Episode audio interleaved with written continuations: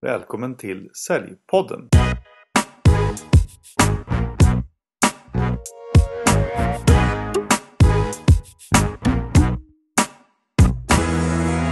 I det här avsnittet av Säljpodden så möter jag äventyraren Jonathan Ljungqvist som paddlat till Svarta havet, cyklat till Tanzania, gått genom Indien och snart ska ge sig iväg på nästa äventyr ner till Kilimanjaro och agera bärare.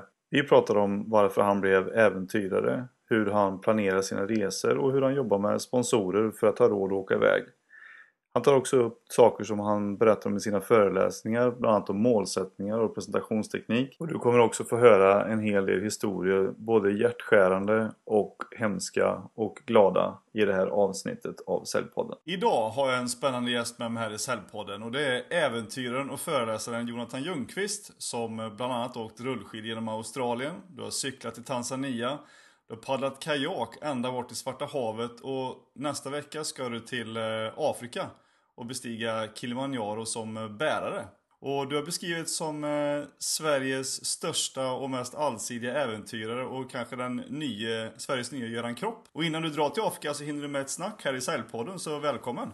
Tack så jättemycket, det är så kul att kunna ställa upp på det här. Ja, eh, du drar alldeles strax till Afrika. Jag drar på tisdag så nu är det faktiskt lite resnerver som vanligt. Eh, men jag tror det kommer gå bra. Det här är ju tekniskt sett en eh, mindre resa än vad jag brukar göra. Ja. Jag är bara borta en, en månad den här gången. Ja. Jag tänkte vi ska komma in på dina äventyr och ehm, det här Afrikaresan och sånt där också. Hur du jobbar med planering och sponsring och föreläsningar och sånt där. Men jag tänkte vi kunde börja från början. Du, ja, absolut. Du är ju från Habo från början. Utanför Jönköping. Det stämmer. Gjorde du dina, som äventyrare då, dina första strapatser i, i trädgården då, eller i kullarna ner mot Vättern? Eller hur gick det till? Nej, det, är, det är en rätt rolig historia det där. Eh, när jag var åtta, nio år gammal eh, så skulle jag gå på bio. Så jag såg eh, filmen Tarzan. Och då bestämde jag mig för att ja, aporna de var häftiga, en sån, en sån ska jag bli. Okay. Och, och jag tog ju det där med största allvar så jag började krypa runt på alla fyra och klättra upp i jättehöga träd och var ute hela tiden. Byggde hyddor och eh, blev väl en liten eh, vilde. Men jag spenderade väldigt mycket tid ute i naturen. Eh, men det var en, en viss fas, men det kanske la grunden till äventyrarlivet som kom senare. Ja, men var det självklart att du skulle bli äventyrare även när du var liten då? Det var så långt ifrån självklart det kan bli. Det enda som fanns i mitt huvud det var ju att, eh, att bli innebandyproffs. Det var ju mitt, eh, det var mitt livsmål med livet. Så jag spelade i eh, ja, nästan 10 år och gick upp till ett allsvenskt lag när jag var 14 år gammal. Okay. Så det gick ju väldigt bra men ja, jag är glad att det blev som det blev. Men hur kommer det sig att du blev äventyrare? Nej, men det här med, med innebandyn då så tränade jag väldigt, väldigt hårt även när jag hade feber och eh, halsfluss och grejer. Så jag fick faktiskt eh, hjärtmuskelinflammation när jag var 17 och läkaren sa att ah, men nu får du inte göra någon fysisk aktivitet på, på ett år. Eh, och då tänkte jag att ah, okej, okay, men då, då vilar jag väl ut det här då och deppar ett år. Eh, men så lärde jag mig spela gitarr och lärde mig lite andra grejer och eh, börjar väl fundera på om, om att springa runt efter en boll är det jag vill göra kommande tio år eller om jag vill testa på lite andra grejer. Mm. Eh, och det var då jag läste Göran Kropps eh, bok då och sen var jag, sen var jag fast. Men eh, hur valde du liksom ut ditt första riktiga äventyr då? Alltså vad, vad, vad blev det? Ja, det beror på vad man ser på som riktiga äventyr. Men för första gången jag kände av att eh, okej, okay, det här var häftigt. Det var när jag blev uttagen i ett ganska bra roddlag som skulle åka ner och tävla i, eh, i Tyskland. Och Det här var efter jag hade läst Göran Kropps bok då, så jag tog även ner min eh, cykel dit. Och det var ungefär 170 lag som skulle tävla och det var fyra mil man skulle ro. Och eh, en av deltagarna i mitt land var landslagsroddare så det var ju ett riktigt, riktigt bra, bra lag det här. Eh, men vi rodde för kung och fosterland och England hade med ett riktigt, riktigt bra lag och Irland också. Men vi lyckades komma på sjunde plats av 170 lag. Eh, och sen efter det så satte jag mig på cykeln då medan alla skulle ta bussen hem så släppte de av mig där så cyklade jag själv då när jag var 18 eh, genom halva Tyskland. Eh, och jag kommer ihåg en kväll det regnade och blixtrade och det började bli mörkt men jag bara kände en sån rush och bara skrek och bara kände mig så himla glad. Det var så häftigt att vara där själv i Tyskland. Så det var väl ändå där själva fröet eh, såddes. På cykelvägen i Tyskland. Ja, men du hamnade du i ett roddlag efter att ha varit hjärtmuskelsjuk? Ja, det det är också en lång historia. Min flickväns pappa eh, är väldigt högt uppsatt inom svensk rodd. Okay. Eh, och jag var ändå bra, väldigt bra tränad efter hjärtmuskelinflammationen och jag tränade stenhård rodd i tre månader för jag ville komma med i det där laget ja. Eh, och så gjorde jag det. Han visste väl det att jag, jag kör på tills jag stupar. Ja.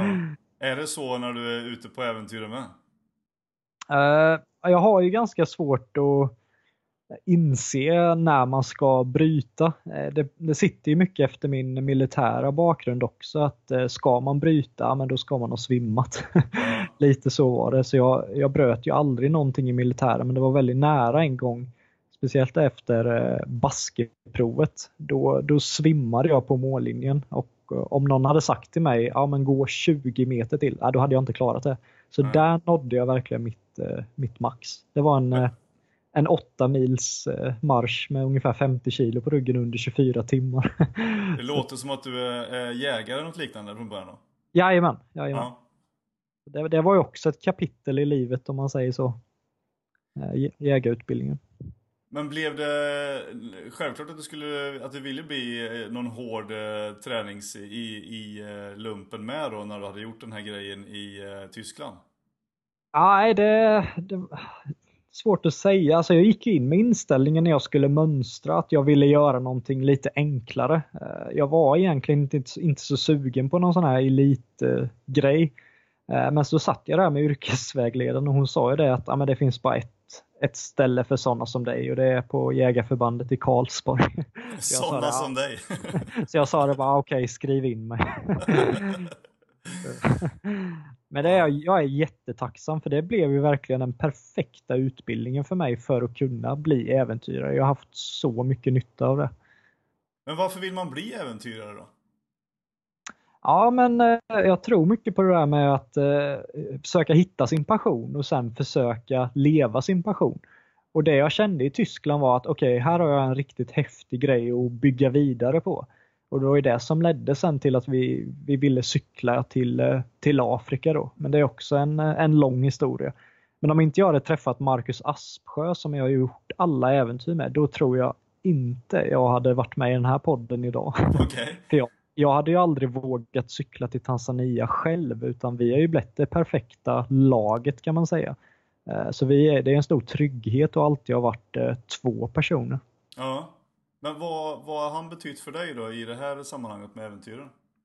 Nej, jätte, jättemycket. Marcus är ju mer än en, en av mina absolut bästa vänner, men han är också ett före, en förebild för mig. För han, han är ju snäppet bättre än mig i, i det mesta. Och visst, det kan ha varit jobbigt ibland. När jag är helt slut så vill han gå en mil till. Mm. Men samtidigt så har det kunnat pusha mig och kunna prestera bättre. Eh, jag gillar ju det där att spendera tid med, med dem man läser saker av.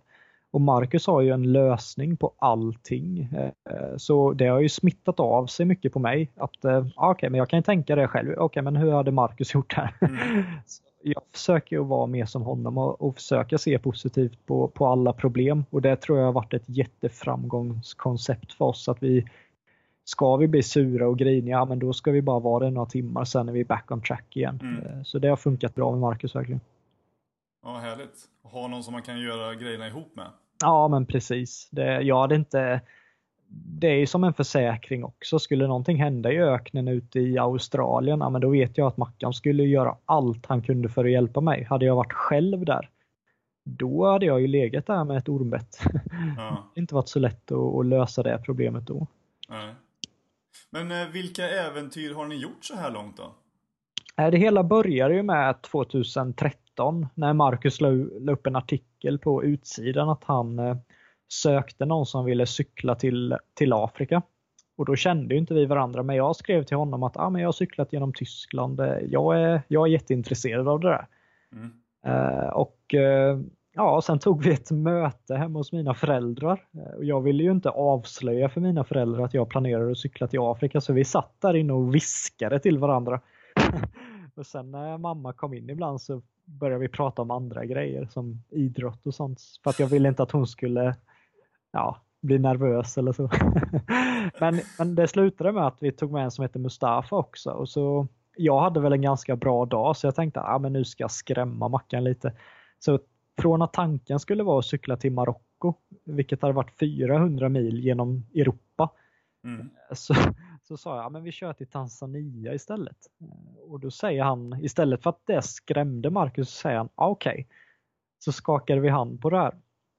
Och sen kom det här upp i, i tidningen några dagar efter och jag har inte riktigt fattat hur det gjorde det men helt plötsligt stod det Jonathan Ljungqvist ska, ska cykla till Tanzania och då började ju folk önska mig lycka, lycka till och allt så då, då, då var det bara att börja löpa linan ut. Ja precis, då var det bara okej, okay, ja, men jag måste göra det här nu. ja, det är, ett sätt, det är ett sätt att peppa sig själv också och sätta upp eh, högre mål än vad man hade tänkt sig. Ja, precis. Det, det, det är det jag tycker har varit charmen med mig och Marcus. Att vi, vi sätter ju ett, ofta mål som vi, vi har ingen aning om vi kommer klara det eller inte. För det ska ju vara så att man, man ska kunna misslyckas för att sätta upp ett mål när man känner att ja, jag vet att jag kommer klara det här. Ja, men då, ser jag inte, då ser jag inte charmen i det alls. Nej. Utan det här var ju verkligen 20 eh, lyckas, 80% misslyckas kändes det som. Ja. Så cyklingen till Tanzania, det, det, var det första stora äventyret, cykla 800 mil? Jajamän, eh, och det var ju så sån fantastisk resa. Det, eh, vi hade ju motgång efter motgång efter motgång men vi, på något sätt tog vi oss eh, igenom det. Vi, vi kom ju till Kairo under den egyptiska revolutionen och bara det var ju ett kapitel i sig.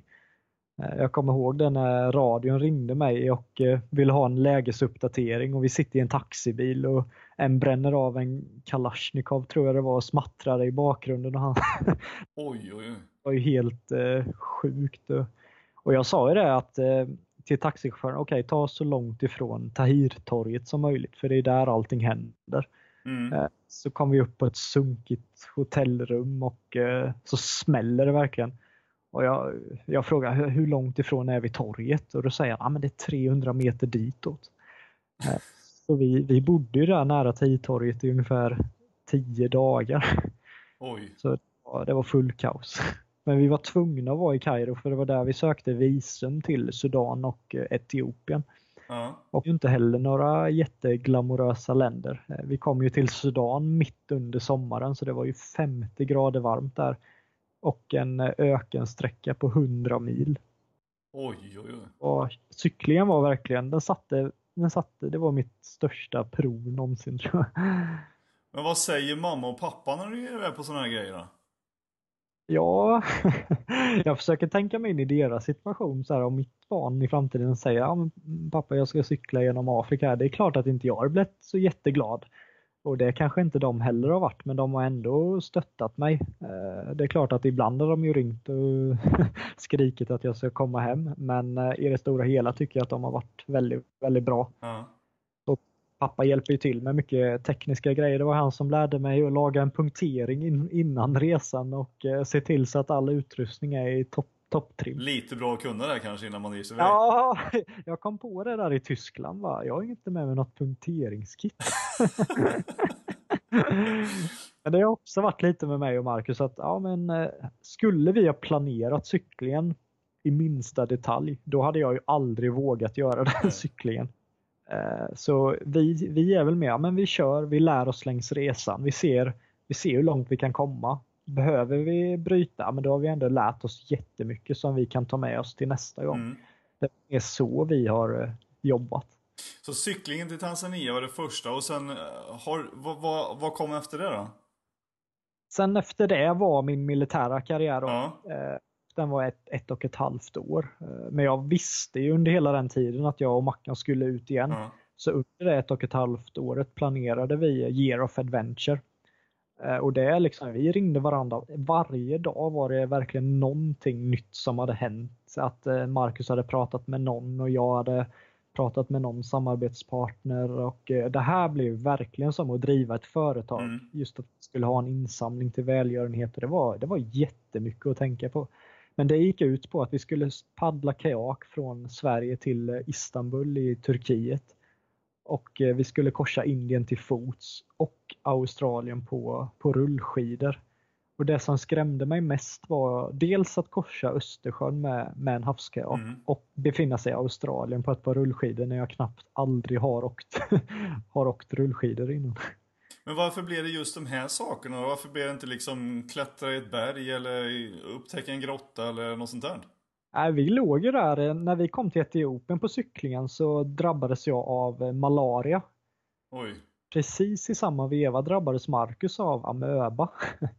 Så det var verkligen komiskt och då tänkte vi, okej okay, men vi, vi sticker hem. Det, det räcker nu. Det är liksom, folk kommer förstå, vi har malaria och amöba, det, det är kört. Men så sa vi det, nej men vi väntar, vi väntar en månad och ser om, eh, ser om det är bättre. Om det inte har läkt efter en månad, då, då åker vi hem. Men det vi gjorde de där tre veckorna istället för att bara sitta still och sura så började vi googla på andra grejer att göra och jag kom på det här med paddlingen att jag ville ta mig via Östeuropas floder ner till Svarta havet och sen fortsätta till Turkiet. Eh, Marcus hade den här sjuka idén om Australien vilket jag inte gillade alls. Jag var väldigt negativ inställd till det. Eh, skulle vi göra det vill jag ha följebil men Marcus vill ju dra två barnvagnar efter sig. Så... ja, varför inte? Ja, och då tänkte vi okej, okay, vi kommer ha ett år. Marcus tar ledigt från studierna. Vi kommer hinna ett äventyr till. Och då bara pekade vi rent ut sagt på kartan så blev det Indien. Det var ju bara, det hade kunnat bli vad som helst. Vi pratade om att korsa Mongoliet på en häst men det blev att korsa Indien till, till fots. Eh, och Indien skulle bli det mindre äventyret då, vilket låter rätt sjukt. Att gå 100 mil, att det skulle vara ett mindre äventyr. Men, ja. men vi hade väl lite hybris där efter cyklingen och tänkte äh, två år kvar, det är lugnt. Liksom. Vi hinner eh, träna jättemycket. Det här kommer inte vara något problem. Men vi hade ju ingen aning om vad som, vad som väntade oss. Men vilka var, vad har varit de största utmaningarna på de här äventyren? Jag skulle säga att de största utmaningarna utan tvekan har varit att komma till start eh, inför Australien. Jag trodde inte det fanns en chans att vi skulle kunna starta. Det, det var allting strulade. Visumet strulade och det ringde poliser från Australien och undrade om vi hade tillstånd för att köra på deras vägar och allting kändes bara kaosartat där. Men mm. vi åkte ner till Australien med inställningen om att ja, men vi kör tills vi blir arresterade. Eh, för sen, sen, kan vi inte göra mycket mer. Eh, men poliserna i Australien hade ju aldrig sett ett par rullskidor innan. Alltså. Så, de, så de visste ju inte att det var förbjudet att köra där. Så, så, istället för att hämna oss så var ju poliserna jättevänliga och eh, stöttade oss och gav oss energidrycker och ja, ibland eh, var de ju lite sura när vi körde mitt i natten på smala vägar där. Då, då stannade de oss och sa, ja men nu räcker det grabbar. Ja. Men det, det, roliga med Australien var att det, det, blev mycket, mycket större i Australien än vad det där blev i, i Sverige. Eh, det var ju några av Australiens största radiokanaler som följde oss. Så vart vi än kom i Australien så kunde ju folk säga Shit, är det ni? Är det ni som är crazy Swedes? Vi, vi hörde talas om er för flera månader sedan. Vi bara, va? Jag kommer ihåg eh, en gång när vi kom till en stad som hette Mildura så stod till och med borgmästaren och eh, väntade på oss. Så det var, Australien var verkligen superhäftigt. Men vilken grej! Man blir inte profet ja. i sin egen hembygd utan eh, man blir stor utomlands direkt. Ja, men jag tycker det är lite kul ändå. För vi, vi alltså så många bilar som passerar oss Alltså de kommer ju aldrig glömma bort de två svenska skäggiga männen med två barnvagnar efter sig som de såg i Australien. Eh, det tycker jag är rätt kul. De kom, våran historia där kommer säkert leva vidare i många, många år. Ja. Eh, så det tycker jag känns häftigt. Men, men, finns det något annat sånt där eh, jobbigt i förberedelserna som man tänker att ja, men det här blir den största utmaningen förutom rent legala saker? Ja, men man försöker alltid ha en plan A, B, C. Okej, okay, men vad händer om vi välter med en kajak ute i Östersjön? Hur ska vi kunna lösa det? Just att ha det här säkerhetstänket. Ja, men då fick vi gå kurser och lära oss i hur man hanterar det. Eller vad händer om eh, vi fastnar ute i öknen och eh, Marcus får vätskebrist. Liksom. Vad, hur, hur löser vi den situationen? Just att man måste tänka förberedande för varje grej. Det är därför jag gillar att gå ut med det här, för då blev det att folk frågade saker hela tiden. Mm. Och om det kom en fråga som jag inte kunde svara på, ja, men då tog jag reda på hur man kunde lösa det problemet. Eh, så just det här eh, förberedelsen innan är ju verkligen superviktigt. Men hur löser man det då? Vätskebrist i öknen och, och 100 mil till närmsta stad? ja, men eh, Marcus pluggar ju sjuk, sjuksköterska till exempel, så då hade han fått lösa det. Men det är ju så här, försöka få ner temperaturen i huvudet, hälla, hälla kallt vatten på huvudet, lägga sig i skuggan, få i sig vätska. Vi pratade även om att vi skulle ta med oss dropp ut som Marcus skulle kunna sätta, men, men det blev det inte. Men just det där att eh, vi cyklar inte på de varmaste timmarna i öknen utan vi gick upp klockan tre. Vi lärde oss att tackla den här 50-gradiga värmen. Vi gick upp klockan tre, cyklade till ungefär 11, la oss under en, eh, ett litet träd och sov under de varmaste timmarna. Sen gick vi upp och körde på kvällen istället. Hela tiden höll vätskenivån bra liksom och ja, men jag tycker att vi, vi, vi sköt oss väldigt professionellt skulle jag säga. Även om planeringen ibland kan verka som att vi inte har koll på läget så tycker jag ändå att vi på något sätt har det. Ja. Men hur löser man om man skulle eh, dratta runt i Östersjön då med en havskajak? Nej men det är vi också tränade i. Liksom. Vi fick gå en utbildning via vår sponsor eh, Kajaktiv då. Eh, så om jag skulle välta eh, så skulle Marcus dra upp min kajak på sin, tömma kajaken, vända den om. Sen hade jag haft en flotör sen som jag hade kunnat klättra upp i kajaken och det där var en grej som vi hade tränat ganska mycket på. Men däremot det som hände i Svarta havet när det är eh, som sagt, vi ville ju till, till Turkiet men när vi kom till Svarta havet så var det ju monstervågor och stora, stora klipper. Så om man skulle välta där så skulle det inte finnas en chans att vi skulle kunna ta oss upp igen i kajakerna. Utan vi skulle istället smashas in i de här klipporna. Mm. Eh, det var en dag när eh, en våg tog min kajak så kraftigt att jag tappade kontrollen helt och hållet och voltade med kajaken och hamnade under vattnet och eh, dunkade i huvudet i en stor sten. Där hade jag kunnat drunkna. Eh, och vi, vi, tog upp oss till en liten strandkant och jag sa nej det finns inte en chans att jag fortsätter paddla i det här vattnet. Så då tog vi beslutet om att eh, avbryta den resan och det tycker jag också visar en väldig mognad att vi, att vi kunde ta det beslutet. Vi var en vecka ifrån Istanbul. Vi hade paddlat i fyra och en halv månad men ändå bestämmer vi oss för att eh, avbryta på grund av vi vill hellre komma hem levande än att riskera att komma hem i en kista. Mm. Så det är sådana beslut man måste ta om man ska kunna bli långlivad som äventyrare tror jag. Mm. Men hur är det annars rent säkerhetsmässigt att vara iväg då på sådana här trippar liksom, genom hela Afrika och eh, menar folk, eh, både militär och andra kanske dyker upp eh, när man är ute på äventyren och, och rånare och allt möjligt. Hur, hur tänker ni rent säkerhetsmässigt? Ja, men vi, vi tänker mycket att desto mer slitna vi ser ut, desto mindre folk vill ju komma och råna oss. Går man runt där med en guldklocka eller eh, jättefina kläder, då, då väcker man ju uppmärksamhet på ett annat sätt. Jag hade ju en sil jag hade silvertejpat ihop min tröja, jag hade långt skägg och långt hår. Jag tror inte jag väckte så jättemycket uppmärksamhet. Eh, men sen såklart så har vi varit i ganska farliga situationer men jag tror att vi är ganska bra på att känna av, okej okay, nu behöver vi sticka härifrån eller att nu kan vi snacka oss ur det här. Eh, vi, när vi kom till Serbien när vi paddlade så, så glömde vi checka in i landet. Vi såg inte vart man kunde göra det utan vi följde den här floden och eh, hupps så var vi i Serbien. Eh, så skulle vi gå upp då och Eh, och, göra den här incheckningen lite längre fram. Eh, det var bara att eh, Marcus som skulle fixa det här. Han kröp genom ett stängsel och kom upp på baksidan av passkontrollen kommande från skogen då.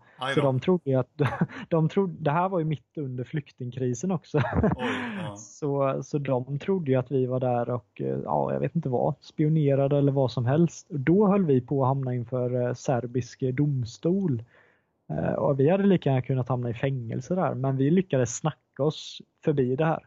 Och det tror jag vi är ganska bra på, att man pekar ut att man är så ledsen och eh, det här var inte meningen. Och just det där eh, att det här är också, handlar mycket om försäljning också. Vi, där var vi verkligen tvungna om att sälja in att vi är inget hot mot er. Eh, det här var en rent miss, missförstånd och ja, det tog ungefär en timme men sen släppte de oss för de orkade inte liksom bry sig längre. Nej. Eh, men eh, ja, jag tror vi har, vi har lätt för att anpassa, anpassa oss till nya miljöer och känna av stämningen framförallt. Men om man vänder på det då, vad är det mest fantastiska du har varit med om på äventyren? Oj, det, det hade jag ju kunnat prata om i, i ett år nästan. Okay. Men eh, framförallt vissa månader och vissa kvällar. Jag kommer ihåg i Kroatien en kväll när solen höll på att gå ner och eh, vi cyklade där och vi hade den här varma vinden i ansiktet och eh, vilda delfiner hoppade i havet jämte. Och både jag och Mackan bara kollade på varandra bara shit vilket häftigt liv vi lever. Alltså det här, det här är this is it. Eh, och det var samma sak i Australien. Vissa månader där så kunde det eh, liksom helt fantastiska soluppgångar och så bara glider man där och man har inga bekymmer och man, man lever verkligen i nuet. Och det är det jag tycker att när man är i Sverige, man tänker på vad man gjorde, stressar upp för gårdagen och morgondagen. Och när man är ute och äventyrar då spenderar man mycket tid med sig själv. Och jag känner att ja, men jag gillar att spendera tid med mig själv. Och jag gillar rannsaka och fråga mig själv djupa frågor. Och eh, folk tror ju att jag är en adrenalinjunkie men mm. det är jag ju jättelångt ifrån. Jag är ju mycket mer en filosof i så fall som jag gillar att ta in omgivningen, jag gillar att vara ute i naturen. Och jag, eh, ja, men jag gillar bara vakna upp på en morgon och inte veta hur dagen kommer se ut. Man vet inte vilka människor man kommer prata med. Man vet inte vad man ska äta den här dagen. Man vet inte vad man kommer slå upp lägerelden på kvällen. Liksom. Det, det, är så enkelt liv ändå, men jag, jag gillar det. Men om man, om man är lite filosofisk här vad, vad vill du uppnå med alla dina äventyr? Ja, eh, det är ju inte så att jag vill alltså, satsa på att bli den absolut största äventyraren i världen. Det är inte det riktigt det handlar om utan jag vill ju jag, kunna, jag vill kunna bli den bästa Jonathan det går att bli. Och jag känner att så länge jag gör grejer som gör mig glad, då, då utvecklas jag som person. Som sagt, äventyren har ju varit en viss del, men, men äventyren har ju gett mig så mycket mer. Också som företagare, som för, jag hade ju inte haft någonting att föreläsa om om jag inte hade gjort mina äventyr. Mm. Och eh, jag hade inte lärt mig någonting om marknadsföring eller om projektplanering eller, eller någonting om de bitarna som jag tycker är lika roligt som att eh, äventyra. Så för mig handlar det om att eh, jag vill ha ett fantastiskt liv och jag vill kunna bli 80 och ligga där med kanske lite R runt om kroppen och bara le och tänka vilken, vilken resa, vilket liv jag levde. Man har, ju, man har ju bara ett liv och det är lika bra att ta tillvara på det. Mm. Vissa av mina kompisar de, de tycker att livet är skittråkigt och jobbar till 8 till 5 och sen åker de och super skallen av sig i Spanien en, en vecka varje år det tycker jag är att, eh, att fly verkligheten. Liksom. Jag och Marcus, vi flyr väl mer ut till verkligheten ser jag det som och verkligen lever livet. Det, det tycker jag. Ja, intressant eh, vändning för man kan annars tänka sig att alla som är äventyrare är någon, några som vill fly från någonting som finns här för någonting annat som man tror är bättre någon annanstans. Men så är det inte mm, kanske? Ja, men så kanske det är för vissa. Nu pratar jag om hur det är för, för mig. Eh, jag vet ju vissa som eh, eh, jag vet kanske inte trivs så bra i Sverige och jobbar stenhårt när de är hemma några månader för att sen kunna sticka ut. Då kanske det är en liten annan situation. Men jag tycker att jag har minst lika roligt här i Sverige som jag har ute i, i världen. Och det tycker jag är ett jätte, jätte plus. Mm. Eh, jag jobbar ju också som krönikör och ja, men jag gör verkligen lite allt, allt möjligt här i, här i Sverige men allting är fokuserat på resor och äventyr känns det som. Men alla ni som är äventyrare då, är ni, är ni liksom ett kompisgäng eller är ni konkurrenter om, om äventyren och, och uppmärksamheten? I och med att jag fortfarande är så pass ung så har ju inte jag kommit in bland de där liksom riktiga höjdarna än. Eh, jag ser ju inte dem som mina konkurrenter utan jag ser ju mer dem som mina idoler och de jag inspireras av. Som Ola Skinnamo till exempel, helt fantastisk människa, Renata Klumska och framförallt då Johan Öns Nilsson. Jag försöker ju hämta lärdomar från dem och eh, se hur de har gjort så jag ser absolut inte dem som mina konkurrenter utan mer som före, förebilder och eh, idoler skulle jag säga. Mm. Men eh, för jag tänker att eh, många eh, använder ju sina intressen då eller sina äventyr till att som du sa vara hemma och, och föreläsa honom för att kanske då få in pengar till att göra nya äventyr och sådär. Men är de här som är lite höjdare, är man, kan man säga att de är rastlösa sökare också för någonting bättre? Eller är det bara så att man ser det som ett, ett sätt att ha ett företag?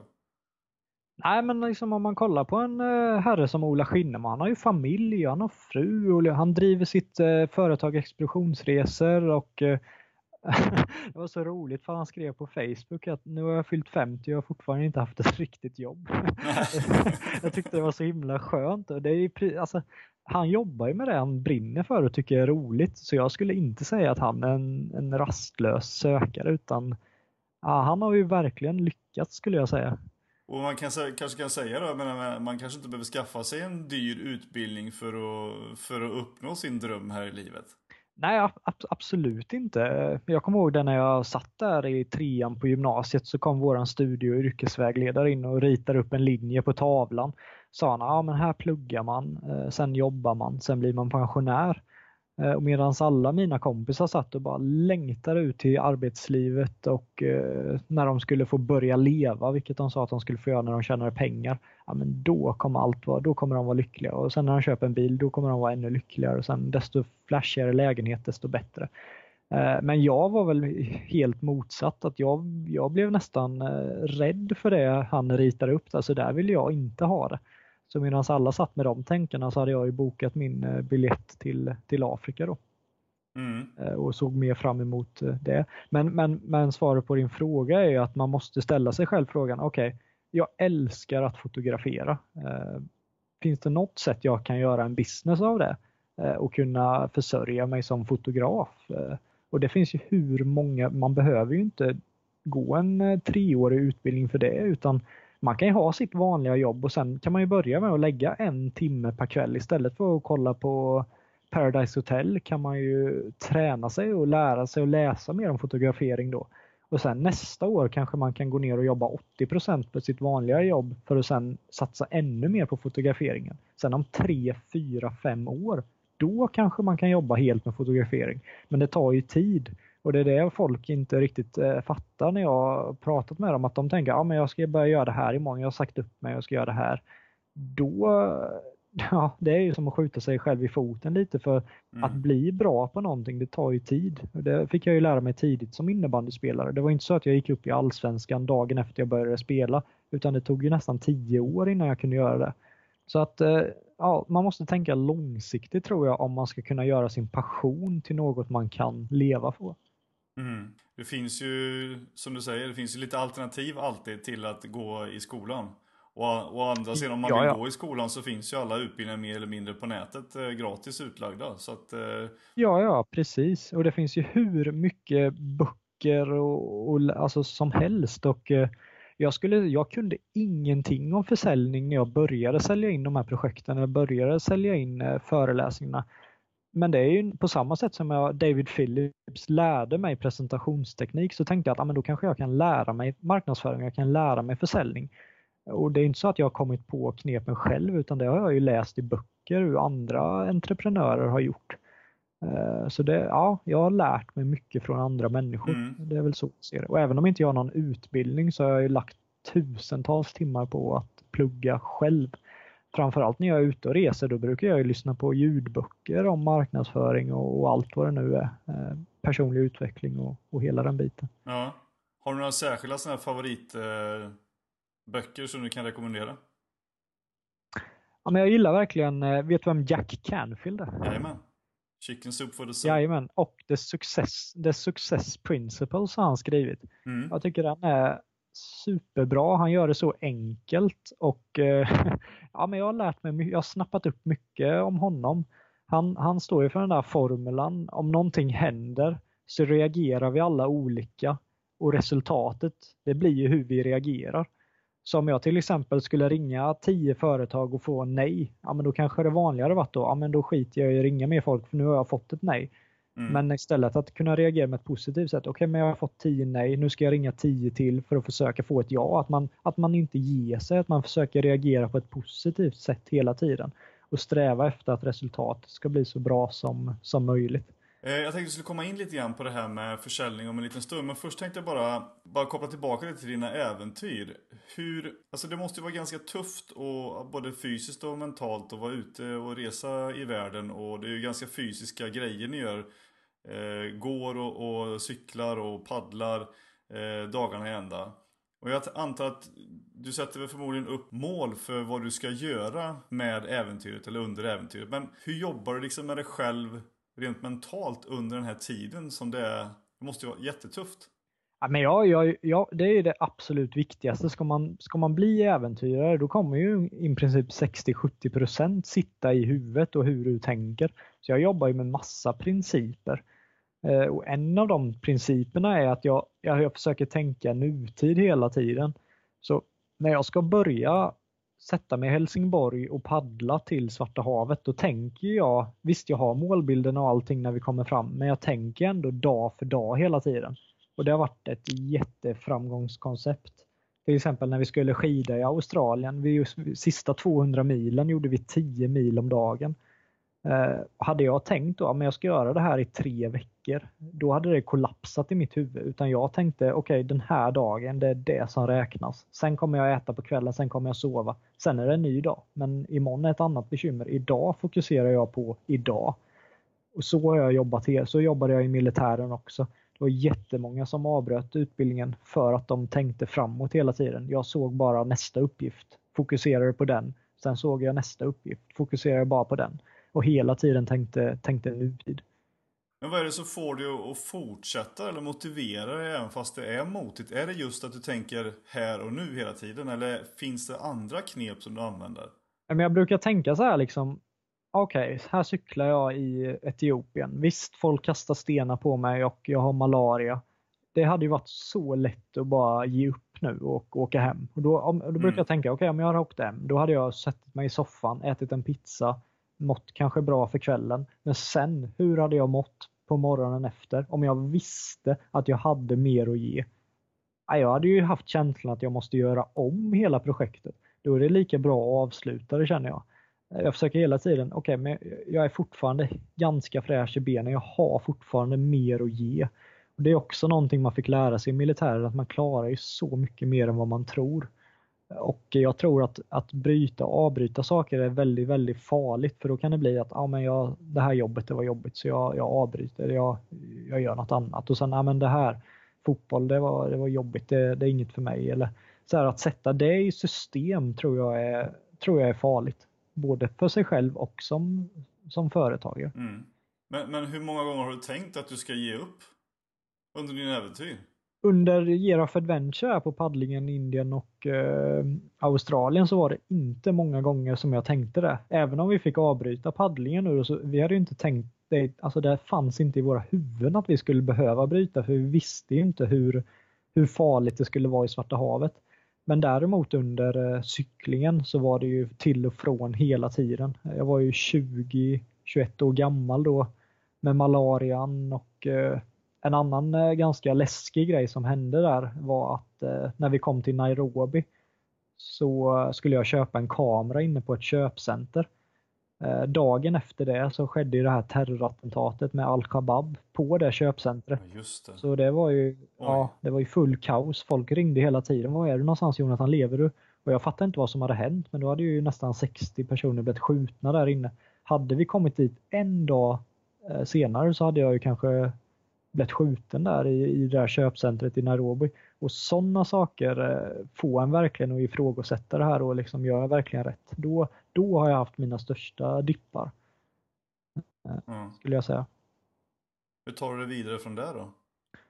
Uh, ja, det är ju köpcentret i Nairobi. Det satt i ganska länge. Jag var ganska skärrad och det var ju bara två dagar ifrån Tanzania så då, hade, då kunde vi verkligen inte avbryta för det. Men det, det satt sina spår eh, och eh, det gav mig lite mardrömmar på kvällarna. Men som sagt, jag kan inte fokusera på det som har hänt utan jag måste hela tiden gå in med inställningen att allt, att allt kommer bli bra. Ville ni, ville ni ge er iväg från Nairobi snarast möjligt då när, när det hade hänt? Eller? Ja, vi var precis på väg att lämna staden. Så då ringde ju Marcus pappa och liksom var väldigt stressad och frågade vart vi var någonstans. Så det var då alla nyhets och tv-kanaler eh, visar upp bilder på det här och det låg ju människokroppar överallt och vi såg ju till och med affären på köpcentret där jag hade köpt kameran. Eh, så det var, äh, det var hemskt, verkligen. Ja, det var ju en skaplig historia. Ja, det, så är det. Ibland ska man ha tur. Men eh, det här med målsättningar då är ju någonting som du även pratar om på de föreläsningar som du har ute på företag och organisationer och sådär. Men vad har du för infallsvinkel på, på det här med mål, målsättningar i dina föreläsningar? Ja, men då brukar jag jämföra lite hur jag gör och hur många av mina kompisar och eh, företag som jag känner gör. Eh, då brukar de ofta sätta upp, okej, okay, vad ska vi göra och hur ska vi göra det? Det, det är det de kör på. Medan jag mer vrider på det och sätter upp vad, hur, varför och målbild och utveckling. Det brukar jag prata om. Om jag inte ser varför jag ska göra det här, liksom varför ska vi som företag växa? Men då, då funkar det inte riktigt för mig. Cyklingen fick jag ju mitt varför i när jag var där och jobbade några månader innan då eh, som volontär och en eh, grabb kom fram till mig att ja, men Jonathan, kan inte du bli min pappa för jag har ingen pappa. Eh, och då, då fick jag ju se den här lilla grabben i ögonen och säga att jag, jag kan tyvärr inte bli din pappa men jag hoppas kunna hjälpa dig ändå i livet. Och det var det som blev kryddan för att jag ville, jag ville cykla till Afrika liksom och, och driva en insamling till de här barnen och känna att, att jag skulle kunna göra skillnad på något sätt. Så det blev mitt varför där. Eh, när jag jobbade med målbilden så målade jag upp i mitt huvud exakt hur det skulle gå till när jag skulle komma fram till barnhemmet. Jag skulle ha de här kläderna på mig. Jag, jag kunde nästan ta på det här eh, målet med cyklingen. Och sen med utvecklingen då, vad, vad, skulle det ge mig som person om jag cyklar från Sverige till Tanzania? Vad skulle hända med mig då? Att, att mitt mål, det, det blir så tydligt. Eh, och det, det är så jag jobbar varje gång i militären liksom varför gör jag det här? Liksom, vad har jag för målbild efter utbildningen? Jo, att jag skulle kunna få ta på mig min fina basker och att min pappa skulle kunna få kolla stolt på sin son. Och, ja, men just den här tydligheten tror jag är jätte, jätteviktig. Men Jag tänker, många har ju en, en eh, infallsvinkel som är det här, att du ska sätta smarta mål, alltså SMART-mål. Eh, och många företag och, och säljare liksom ska sträva efter att alltid sätta upp smarta mål. Och, men kan det finnas begränsningar i det? Ska man göra på ett annat sätt? Ja, när, när, när jag frågar, jag gillar ju att ha en dialog under mina föreläsningar med ofta med cheferna då, då, då kan jag fråga dem, okej, okay, vad har ni för mål? Eh, och, och, ofta är det väldigt otydligt när de svarar på mig och ibland säger de, ja ah, men vi ska mm. växa. Och då säger jag, okej, okay, okay, men, men hur ska ni växa då? Och då säger jag, men vi ska jobba hårdare. Jag säger, ja, okej, okay. men vad kan det få för konsekvenser om du, ni säger att du ska växa men ni kanske måste jobba två timmar längre varje dag. Alltså, det kanske inte är det bästa i längden att då kanske medarbetarna får skippa sin träning på eftermiddagen och skippa en timme extra med deras familjer. I längden blir ju inte det ofta bra om man ska jobba hårdare utan istället tycker jag man ska sträva efter att jobba, jobba annorlunda och försöka att chefen ska ju vara den som, som får, om, om chefen har ett mål så ska ju han vara bra på att förmedla sitt mål till medarbetarna. Om medarbetarna inte ser varför, om inte de har en målbild om ja, men varför ska vi växa, då får inte han med sig företaget på det sättet som han, som han vill. Det är, var, det är varför-frågorna som är viktiga då? Ja, jag, jag, skulle säga det och desto mer jag läser eh, böcker av andra framgångsrika företagare då är, då är det ofta varför och målbild och utveckling som de fokuserar väldigt mycket på. Så det är inte så att jag har suttit och 24 år och kommit på de här grejerna utan jag, jag lär mig av, mm. av andra. Men vad är det vanligaste att folk frågar dig då när du är ute på föreläsningarna? Ja, det, jag har ju sån bred publik. Ena dagen kan jag stå för eh, högstadieelever och ena för eh, universitets eh, elever och ena för företag och ena för pensionärsklubbar. Så det är ju väldigt, väldigt bred publik jag har. Men ofta får jag ju frågan, ah, men hur gör man för att ta steget och göra sin första stora resa? Mm. Det är väl en fråga jag får ofta och, och då brukar jag säga att ja, men Alltså fokusera inte på allting negativt som folk kommer säga till dig. Säg att du vill åka till Tanzania, då kommer ju folk bomba dig med ja, men malaria finns ju där och du vet hur farligt det är och, mm. Och allting. Och det är klart att det finns en liten, liten risk med att åka dit. Men om man hela tiden fokuserar på det som är farligt, ja, men då kommer man ju sitta på samma ställe hela livet och aldrig komma iväg. Så jag försöker väl få folk att ja, fokusera på det du kommer uppleva där nere och fokusera på de positiva bitarna och liksom det är klart att du ska lyssna från råd och det är klart att du ska jobba förebyggande. Men eh, ja, stressa inte upp dig i, i onödan.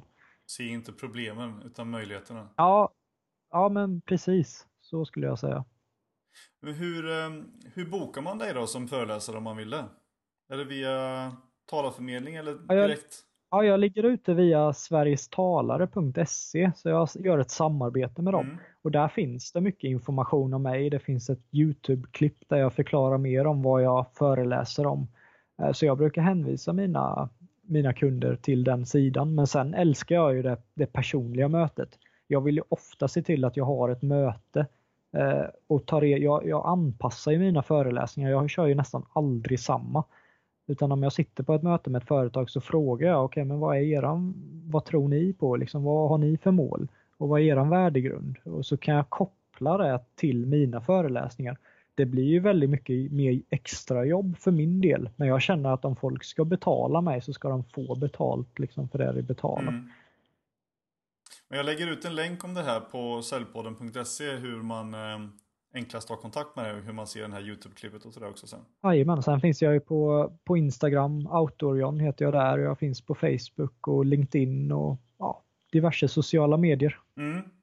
Jag lägger en länk på det till det här avsnittet sen så alla kan eh, ja. connecta med det där. Men det låter som att det är ganska kostsamt att vara äventyrare. Uh, ja, om jag får ställa en kuggfråga till dig nu Mattias. Hur mycket tror du att jag betalade för uh, paddlingen fyra och en halv månad? Och då vill jag bara säga, för mat och eh, boende, vad tror du? Jag, jag tror inte att du betalar för någonting. Jo, det. jag tror att du har jobbat med att få sponsorer. ja, fast för det äventyret var vi inte sponsrade ekonomiskt utan vi betalade eh, vad heter det, 20-25 000 för mat och boende under fyra och en halv månad. Eh, och jämför det då med folk som åker och super i Spanien i två veckor. Det är nästan samma pris de betalar för det. Så äventyr behöver ja. inte vara så dyrt som man kanske tror. Eh, men sen så är det klart att vi har haft, eh, med utrustning och allt, har vi haft ganska lätt för att få sponsorer. Speciellt desto mer äventyr vi gör, desto mer vi har att visa upp i våra CVn, desto lättare går det. Mm. Men hur har du jobbat med att få sponsorer till äventyren? Ja, det var, det var samma sak där. I början gjorde man ju alla fel man kunde tänka sig om man tänker en telefonförsäljare, man, man hatar när de trycker upp grejer rätt i ansiktet på en. Liksom. Mm. Och sen ändå sen går man till jobbet så är man likadan mot andra. Jag vill väl vara så lite den telefonförsäljaren som det går utan jag kan boka ett möte med ett företag och sen eh, kan jag ställa massa frågor och lyfta fram dem som personer och jag är väldigt intresserad i andra människor.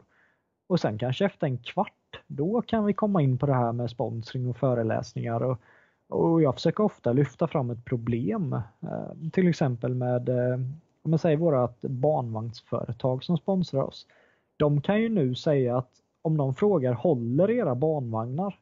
Då kan de bara skratta och säga att Jonathan och Marcus de körde med våran barnvagn från Sydney till Perth 400 mil lastad med 50 kilo.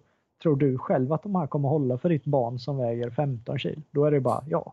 Så vi, vi erbjuder ju tjänster, eh, framförallt i marknadsföring, produkttestning och eh, allt vad det nu kan vara. Ja. Vad var det för barnvagn ni körde då? Nordic Cab heter de. Och, de var, och det allra häftigaste med den historien det var att barnvagnen körde ju först med mig och Marcus till Perth. Sen träffade vi en annan galning som skulle springa från Perth till Sydney. Så då fick han eh, min barnvagn. Så den Nordic Cab-vagnen tog sig 800 mil utan att gå sönder. wow. Det är ju helt, det är helt fantastiskt verkligen. Så de, de förtjänar att eh, lyftas fram tycker jag, Nordic Cab. Mm. Bra för alla eh, kommande föräldrar här och fundera på vad man ska skaffa för något. Ja, men det var ju ganska roligt när vi tränade med barnvagnarna. Så här, liksom, det var ju inte så ofta vi gjorde det, men Marcus har berättat att när han körde där i Uppsala så kom han i full fart i en nedförsbacke Och folk tror ju att han har ett barn i den här. Ja, det är klart. Och så trillar Marcus och barnvagnen flyger ner ett dike liksom. Och folk stannar ju rivstå och säger shit hur är det med barnet? Så här, men den är full med böcker. det, lite, Jackass, uh, ja, precis, ja, precis. Så vi har många roliga historier. Men vad brukar du, jag tänker på det här med, med sponsorer, vad brukar du liksom säga när du ringer till dem för att inte låta som en eh, telefonförsäljare då? Ja, men i början var det mer, hej mitt namn är Jonathan, eh, jag har en dröm att jag vill göra det här, det här, det här. Skulle ni kunna hjälpa mig med det? Då var det ju bara klick. då, då funkade ju inte det. Då var det ju lite telefonförsäljare Jonathan. Men nu är det väl mer, ja men hur mycket betalar ni per år för eh, era marknadsföring för att synas på, i tidningar och sånt? Och då kanske de säger, ja men 100 000. Okej, okay, men vad är ni med i för tidning då? Då säger de någon liten tidning liksom. bara. Okay. Eh, skulle ni vara intresserade och vi följs av eh, Expressen, vi följs av alla tidningar i Småland, vi följs av tidningar i, i Stockholm, Uppsala, Göteborg. Skulle ni vara intresserade av att synas där? Då är det bara ja. Eh, och liksom, Okej, okay, men om, om vi gör så här då, om, om vi får det här av er så erbjuder vi det här, så hjälper vi varandra. Så det är det det här handlar om, att vi ska hjälpa företagen och företagen ska hjälpa oss. Eh, liksom, det är inte så att de ska hjälpa mig att upp, uppnå min dröm, utan vi ska ju helst hjälpa dem mer än vad de hjälper oss. Det är så man bygger långsiktiga, eh, långsiktiga samarbeten. Men hur kan liksom sponsorerna nyttja då äventyr för sin egen PR? Nej men det är ju som sagt allt från att synas i tidningar är ju värt jättemycket. Eh, och då försöker jag, vissa SVT och nu avslöjar jag ju lite här men SVT till exempel de har ju nolltolerans mot reklam. Ja. Så då hade jag ju inte kunnat få ställa mig med en eh, tröja där det stått rullskidcenter.se. Men istället fick jag ju vara lite smart nu, hoppas inte de lyssnar på detta. så då höll jag ju upp rullskidan supertydligt när jag visste att det fanns en liten logga. Eh, och då, då syntes rull, vår sponsor rullskidcenter.se eh, och han var jättenöjd med det. Ja. Eh, så det är lite så man får, man får smyga in det lite. Eh, men sen är det som sagt produkttestning också såklart. Nu kan ju rullskidcenter.se säga att ja men håll era rullskidor. Ja, de korsade nyligen Australien. Det är det bästa som finns på marknaden, Svenor. Det är ju top notch. Så de har ju, jag skulle säga att de har väldigt stor nytta av oss. Och nu är jag i en annan situation. Nu är det mer att jag kan gå på en eh, friluftsmässa och, och, företag mer eller mindre snälla kan inte jag få kitta dig inför ditt nästa äventyr? Och då är det mer, ja jag har inte kommit på något nästa än riktigt men det, jag, jag hör av mig. Så nu sitter jag i en helt annan sits än vad jag gjorde för några år sedan. Men vad är egentligen då marknadsföringsvärdet för, för bolaget som sponsrar dig, alltså med pengar eller saker? Vad, vad kan det vara värt? Men du får ett par rullskidor för, eh, jag vet inte vad de kostar, 3-4 tusen kanske. Men vad är liksom egentligen deras marknadsföringsvärde? Det måste ju vara hundrafalt tillbaks. Ja, absolut. Och det är, där, det är därför det är så roligt att, att sälja in det här. Okej, okay, men kan vi få ett par rullskidor av er för kanske, och då kanske det går på säg 20 000 då med extra däck och stavar och allting. Mm. Det de får tillbaka, pff, det, är ju, det är ju enorma summor om vi får ut det rätt och om vi, det är inte alltid vi kan lova att, okej okay, vi lovar att rullskidcenter.se syns i den här tidningen. Men det räcker ju med att eh, två, tre tidningar får dem att synas så har de ju tjänat tredubbla på det där kanske. Plus att de har fått en ny kundkrets i Australien. Ja, verkligen. Det var ju supermånga som frågade oss, framförallt om den här Nordic Cab då. Ja. Eh, så, så de får ut väldigt mycket av att samarbeta med, med oss. Men vad skulle hända om produkten inte fungerar då? Tänk om det skulle vara så att den här Nordic Cab var, eh, djuren gick sönder, den blev skev och, och eh, botten gick av eller sönder och allt sånt där. Vad, vad, vad skulle hänt då? Ja, du, det har jag faktiskt inte reflekterat så mycket över i och med att allting har funkat så. Så det är inte så att vi väljer, alltså vi skulle aldrig välja ett företag som vi vet levererar dåliga produkter. Det var ju därför vi gick till eh, Kajaktiv då som, som vi vet är ledande kajakföretaget i Sverige. Eh, och det är ju, jag fattar fortfarande inte hur de kajakerna kunde hålla. Genom hela Polen så slets ju deras kajaker i vassa stenar och vi dunkade i det ena efter det andra men men på något sätt så, så höll de.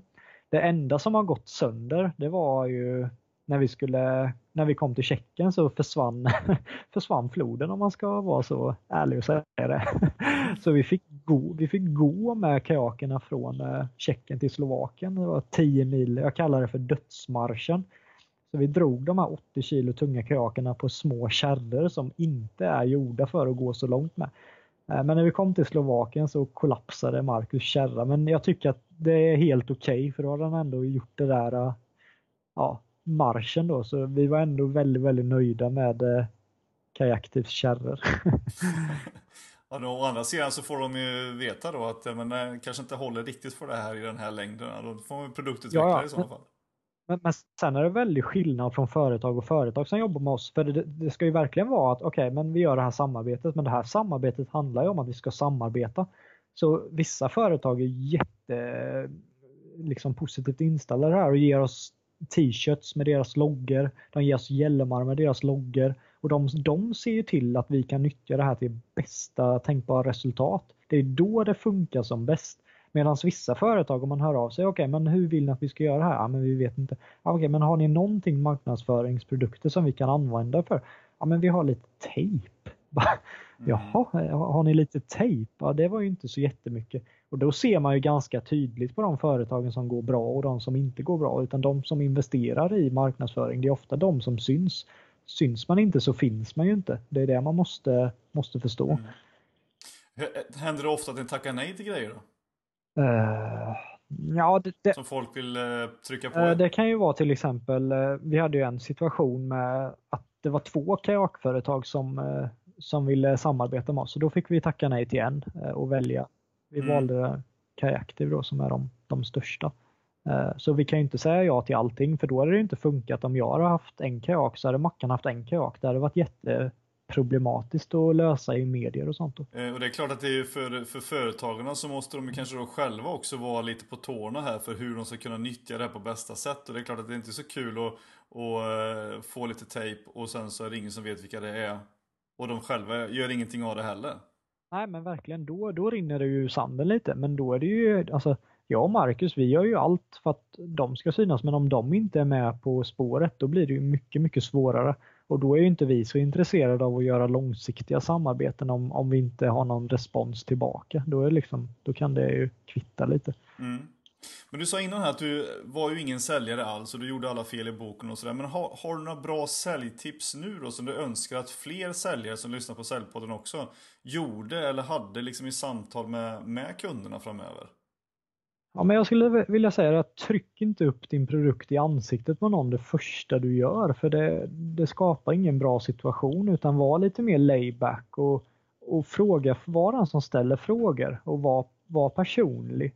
Och sen som sagt efter 10-15 minuter då kan du börja smyga in din produkt på ett mer naturligt sätt så att du inte är den där jobbiga telefonförsäljaren utan du är, du är dig. Liksom. Jag är Jonathan Ljungqvist. Jag vill att folk ska tycka att jag är en väldigt trevlig människa för att jag är intresserad av andra människor. Liksom. Det, det är som en eh, bra cirkel liksom. och jag vill att folk ska prata väl. Ja, jag hade ett jättebra möte med Jonathan. Han var supertrevlig. Det är så jag vill bygga min marknadsföring. Liksom. Mun till mun. Att, eh, ja, men Jonathan han var professionell. Liksom, och ja, det här känns jättebra att jobba med dem. Det här fick vi tillbaka av dem. Liksom, så, att, eh, så att de börjar prata väl om oss också. Mm. Eh, men, men just det där, var inte för, för pushy. För det, det är bara jättejobbigt och det är ingen som, som gillar det. Det återkommande i de här eh, diskussionerna som man har med, med experter och säljare generellt. Att vara intresserad. Försök att lära dig att vara intresserad av den andra personen. Ja, Jajamän, och då inser man ofta när man är intresserad, det är då man lär sig saker. Alltså när jag jobbar med stora företag, jag är 24 år gammal, jag har jättemycket kvar att lära mig. Men när jag ställer frågor till eh, cheferna, det är då jag lär mig grejer och det är då de blir avslappnade. Mm. Så det är, det är ja, det, det bådar upp för ett positivt resultat. Mm. Ja, vad bra. det är bra att tänka på det, på det sättet när man hör av sig. Att det inte är mi mina produkter Jajamän. i första läget utan det är de man pratar med och få skapa ett intresse för dem. Och lyssna på dem. Jajamän. Det säger ju Dale Carnegie också. Liksom. Det bästa du kan göra det är att vara intresserad av andra människor och vara den som ställer frågor. Ja. Vi hade ju den personen som eh, var bäst i världen på att sälja Dale Carnegies eh, utbildning, Mattias Härenstam, i podden här för några avsnitt sedan. Okej, okay. ja jag hörde något om det. Ja. det. det. måste jag lyssna på. ja, så han var ju med och skrev om hela deras, eh, eller tog tillbaka det kan man säga, till, till grundfilosofin som en ren bonus för, för väl utfört arbete. Så det kan vara värt att kolla lite närmare på. Det ska jag absolut göra. Den här helgen blir det fullt upp nu med fotning och packning och lite föreläsning och det blir det är som vanligt. ja, du ska ju snart uh, iväg till Afrika och uh, gå upp på Kilimanjaro fast inte som ett uh, regelrätt äventyr utan som bärare. Jajamän. Varför då? Tro mig, det har jag också ställt mig frågan den här helgen. Men varför? Det är för att jag vill framhäva bärarna när jag besteg Kilimanjaro första gången så var vi uppe på 4000 meter och det var iskallt. Eh, så gick jag förbi bärarna så låg de under en liten filt och skakade. Jag tänkte, oh, herregud, eh, bärarna är det ju verkligen ingen som tänker på. Kilimanjaro är ju bästsäljande resan i Sverige just nu. Men jag mm. vill att folk ska kunna få upp ögonen lite hur tufft bärarna har och att man kanske ska vara lite mer generös när man dricksar dem. Eh, så det ska bli jätteintressant. Så jag kommer ha en kameraman med mig också så ska vi dokumentera det här. Och sen handlar det om hur bra jag säljer in det här så får vi se om det kommer upp i svensk tv sen. Utan att säga för mycket så känns det som det. Folk säger det att jag är ganska bra på det men ja, vi får se. ja, nej men det, det, är det någonting som du gör förutom det här eh, Eh, Eh, de här tre äventyren som ni gjorde under ett år då, är att sätta fokus på olika saker i era äventyr också som en, som en eh, vanlig grej eller? Ja, det har vi gjort och det är det som gör det hela lite större då än att bara jag och Marcus ska ta oss från punkt A till B. Så på cyklingen samlade vi in pengar till barnhem i Tanzania och Uganda som vi båda hade jobbat på. Så då blev det jättepersonligt. Eh, sen under Year of Adventure så drev vi en insamling till en organisation som heter Hand in Hand som jobbar för att barn i Indien ska kunna få gå i skolan istället. Och det blev också väldigt bra i, i Australien för australienarna var jättegivmilda verkligen. Så mm. jag tror vi fick in nästan 70 000 eller någonting. Eh, men det är också en, en grej som vi fick försöka sälja in då. Eh, och det, var, det är ganska svårt att få folk att, att skänka pengar till i och med att det finns så mycket mycket välgörenhetsorganisationer så det är ganska svårt att motivera folk till att ja, men det här det står vi för, liksom. det här kan ni stödja. Mm. Det var en utmaning. Men vad gör du när du inte är ute och äventyrar och föreläser om eh, målsättningar? Eh, dels så tror det eller ej så jobbar jag ju 100% eh, för försvaret just nu som informatör. Eh, så det jag gör där är också att jag åker runt och föreläser och jag sköter bokningar och hela den biten. Eh, jag hade ju egentligen inte behövt jobba 100% just nu men jag känner ändå att jag lär mig mycket på det här jobbet. Jag har en bra chef så jag försöker snappa upp mycket av honom. Och Det var ganska kul för när jag frågade honom, har du någon eh, utbildning? Du har ändå kommit väldigt högt upp. Och han sa, skrattade han bara och sa det handlar om att vara bra med människor. och då, jag glider väl mer och mer ifrån att jag kommer behöva göra någon universitetsutbildning. Ja, just det. Men du nämnde ändå för mig när vi pratade tidigare här att eh, du, du jobbar inte bara med målsättningsföreläsning utan även med presentationsteknik och lär ut det till, till företag. Jajamän, eh, utan eh, jag fick väldigt mycket frågor om det och då entreprenör som jag är så tänkte jag att ja, men då kan jag väl försöka sätta ihop något fint. Jag är ju absolut inte i samma klass som David Phillips och de här riktiga höjdarna. Men jag, jag kan ändå erbjuda professionell träning. Och det är ganska nyligen jag startade med det här. Men eh, det vi jobbar då med är liksom att ha en, en bra pitch på föreläsningen och folk gör ofta små fel som de inte tänker på riktigt. Det kan vara allt ifrån lyfta högerfoten eller stamma lite eller vad det nu än är så försöker vi jobba igenom det här. Och Det tar ofta ungefär en till två dagar. Sen ser man ofta väldigt stor skillnad. Och det tycker jag det är mm. någonting jag vill satsa mer på sen för nu har det redan kommit in lite större förfrågningar om det där så då måste jag verkligen ta fram ett ännu bättre koncept då. Mm. Hjälper de att bygga upp själva presentationerna också eller själva framförandet mest?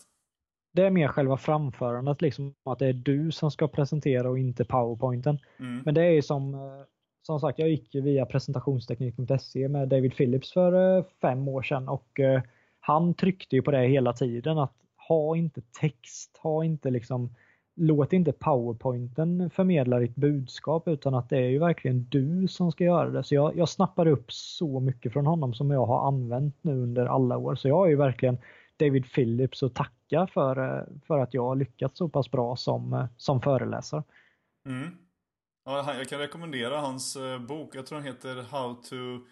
Eh, vad heter den? Ehm, Avoid Death by PowerPoint. Exakt, How to avoid death by PowerPoint. Exakt. Den, den, har, den har jag läst tre gånger.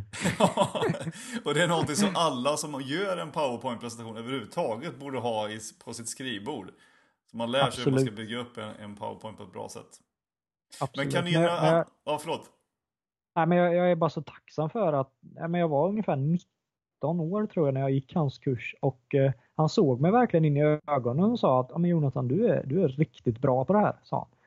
Och det gav mig en sån boost att okej okay, men shit, David Phillips han sa att jag är bra, då måste jag ju verkligen satsa på det här. Ja, så som sagt, återigen, jag vill, ja, jag vill lyfta fram honom. Ja. Men har du några bra tips då på presentationsteknik som många glömmer när de står framför folk? Ja, men jag lägger väldigt mycket vikt vid, eh, vid själva starten. Och eh, sätter du en bra start, då har du publiken tidigt. Utan jag, jag kan ju liksom göra vad som helst. Som en, en film börjar ju ofta att någonting spännande händer så att man inte stänger av tvn. Och där gör ju många felet att de går upp. Hej, jag heter Kalle. Jag är 24 år gammal och eh, gör det här och det här. Snark. Jag kan ju sätta Ja, lite så. Jag kan ju sätta på lite blixtrande filmklipp från resorna med hög musik, eh, komma upp på scenen och säga så där ser en dag ut på jobbet för mig. Jag brukar få dem att skratta direkt. Eh, och sen har jag publiken. Sen berättar jag vad jag heter. Och liksom, sen säger jag vad jag har för mål med föreläsningen. Och eh, ja, sen flyter det bara på. Liksom. Mm. Jag tror starten är jätteviktig. Publiken vet ju aldrig vad du ska säga men så fort du börjar stamma och så fort du börjar se osäker ut, ja, men då kommer de ta fram mobilerna. Mm. Det gäller att ha den här röda tråden hela tiden. Och Vissa har ju med 20 saker som de vill förmedla. Alltså, det finns ju inte en chans att man kommer ihåg all den informationen. Mm. Och Det är någonting jag har fått jobba med mycket med. Visst, jag jobbar kanske med 19-20 mentala knep, men jag får välja ut mina tre bästa. Mm. Så trycker jag på dem hela tiden för att folk verkligen ska lära sig någonting och förstå. Uh, för som sagt, ja, mellan två till tre grejer, det är det vi kommer ihåg efter en timme ungefär. Mm. Man, ska, man ska försöka få fram det absolut tydligaste och det man vill få ta fram av en föreläsning. Det finns mycket du kan lära ut till företag, det hör jag. Du får boka dig. absolut. Men du, eh, tror du att du är eh, äventyrare om tio år? Jag, först trodde jag inte det, men sen såg jag på SVT det här Familjer på äventyr. Så ja. jag, jag, har sålt in det till min flickvän och, och hon är väldigt intresserad. Så nu finns det faktiskt hopp om att jag kan vara äventyrare om tio år. Jag vill kunna ge mina barn en annorlunda uppväxt skulle jag säga. Jag, vill liksom, jag såg en familj som har seglat jorden runt under tre års tid och barnen kunde fyra olika språk. Det tycker jag känns mycket coolare än att de ska sitta och ha syslöjd och sånt. Liksom. nu vill jag ja. inte vara negativ mot det, men alltså jag, vill, jag vill kunna erbjuda dem en, en annorlunda uppväxt. Och jag vill att de ska kunna säga att min farsa, han är, han är riktigt cool. det kommer de nog kunna göra även fast det slutar nu. men vad har du för äventyr kvar som du skulle vilja göra då? Folk frågar hela tiden nu liksom, när blir det Everest? Liksom, när, när ska du upp för världens högsta berg? Men jag, jag är tveksam på om jag kommer ge mig på det. Dels för att så många, det har ju blivit en industri och så mm. många har gått upp för Everest nu. Jag ser inte riktigt tjusningen med det. Då var ju som jag och Marcus, vi slog ju liksom, vi passerade ju världsrekordet när vi åkte rullskidor unsupported. Sådana grejer är ju mycket mer lockande tycker jag att vara, vara först med någonting. Men sen är jag ju... Som är lite mer uh, underground uh, ja, rekord. Sen, sen är, jag har ju utbildat mig till professionell dykare också mm. uh, och det har jag ju inte använt så mycket så där finns det ju stor potential med. Först, första som simmar under Atlanten till... Ja, precis. Ja, men just det, jag, jag, tror både jag och Marcus är sugna. Alltså, vi vill inte vara en långfärdscyklist eller bli den här ensidiga kajakare utan vi gillar ju pröva på olika grejer. Det är därför vi har olika resor. Och det är det jag tycker är charmen för då lär man sig verkligen någonting nytt hela tiden. Jag menar, det är inte många i Sverige som kan säga att de har paddlat kajak längre än vad jag har, men då hade jag knappt paddlat för två år sedan. Och det, det tycker jag är en ganska häftig känsla faktiskt. Ja, det är underbart att höra. Eh, jag är väldigt inspirerad själv här att eh, ge mig ut på lite resor. Ja, vänta bara, jag, vänta sen när jag påbörjar min försäljning att du ska med till eh, Tanzania och Kilimanjaro nästa år Mattias. jag ser fram emot det. Och du, du får väl eh, börja och packa klart det sista här som du alldeles strax ska åka ner och uh, kliva upp för det här berget ett par gånger närmsta månaden här. Det är bra att du påminner mig om det. Men hör du, som en sista fråga här då. Vem, eh, vem skulle du själv vilja höra med en, en intervju med här i Säljpodden? Eh, jag skulle vilja säga Johan Öns Nilsson, en av Sveriges eh, giganter inom svensk äventyr. Men han har inte satsat mycket på att bli stor i Sverige utan han har ju satsat mycket mer internationellt. Och det är mm. ganska roligt. Jag skrev till honom igår. Vad händer Johan? Han sa, jag är i Moskva och föreläser för 800 chefer just nu. Imorgon ska jag till Malta, sen ska jag till eh, London eller vad det var han skrev. Och, ja, han är, full fart på honom verkligen. Hänger med Mark Zuckerberg och kompis med Leonardo DiCaprio. Han har ju verkligen kommit in bland de riktiga höjdarna om man säger så. Ja, coolt. Ja. Vad har, han, vad har han gjort för coola äventyr då? Vad har han inte gjort? han har ju bestigit alla de sju högsta bergen i, på olika kontinenter. Seven Summits heter det. Ja. Han har satt sig från syd till Nordpolen med egen maskin. Han har paddlat kajak från Sverige till Afrika. Han har cyklat Sverige till Afrika också. Han har Ja, ja, som sagt, det skulle jag kunna stå prata. Han har ju varit äventyrare i nästan 25 år. Oj, ja. Så han, ju, han kör hårt. Coolt, då får vi se om vi kan få tag på honom då. Jajamän, jag kan skriva. Han är lite, jag har mycket kontakt med honom så det, det känns kul att han har tagit mig lite under sina vingar. Ja, det är bra att ha en mentor på den nivån. Jo men det är det. Man ska alltid liksom, de brukar säga det, if you want to be a lion you have to train with lions. det var en jättebra bra eh, livsfilosofi som eh, bra avslutning på den här intervjun. Jajamän, det gäller. Det är också föreläsning, man ska avsluta starkt. Ja precis. Hörru Jonathan, stort tack för att du tog dig tid att vara med i Säljpodden och dela med dig av eh, alla dina erfarenheter och äventyr och även om tips om försäljning och presentationsteknik här. Och, och fortsatt lycka till här nu med alla dina nya äventyr och härnämst då i, i Afrika och Kilimanjaro och alla föreläsningar efter det. Tack så mycket Mattias, vi får hålla kontakten. Absolut, ha det gött. Ja, hej. samma, hej.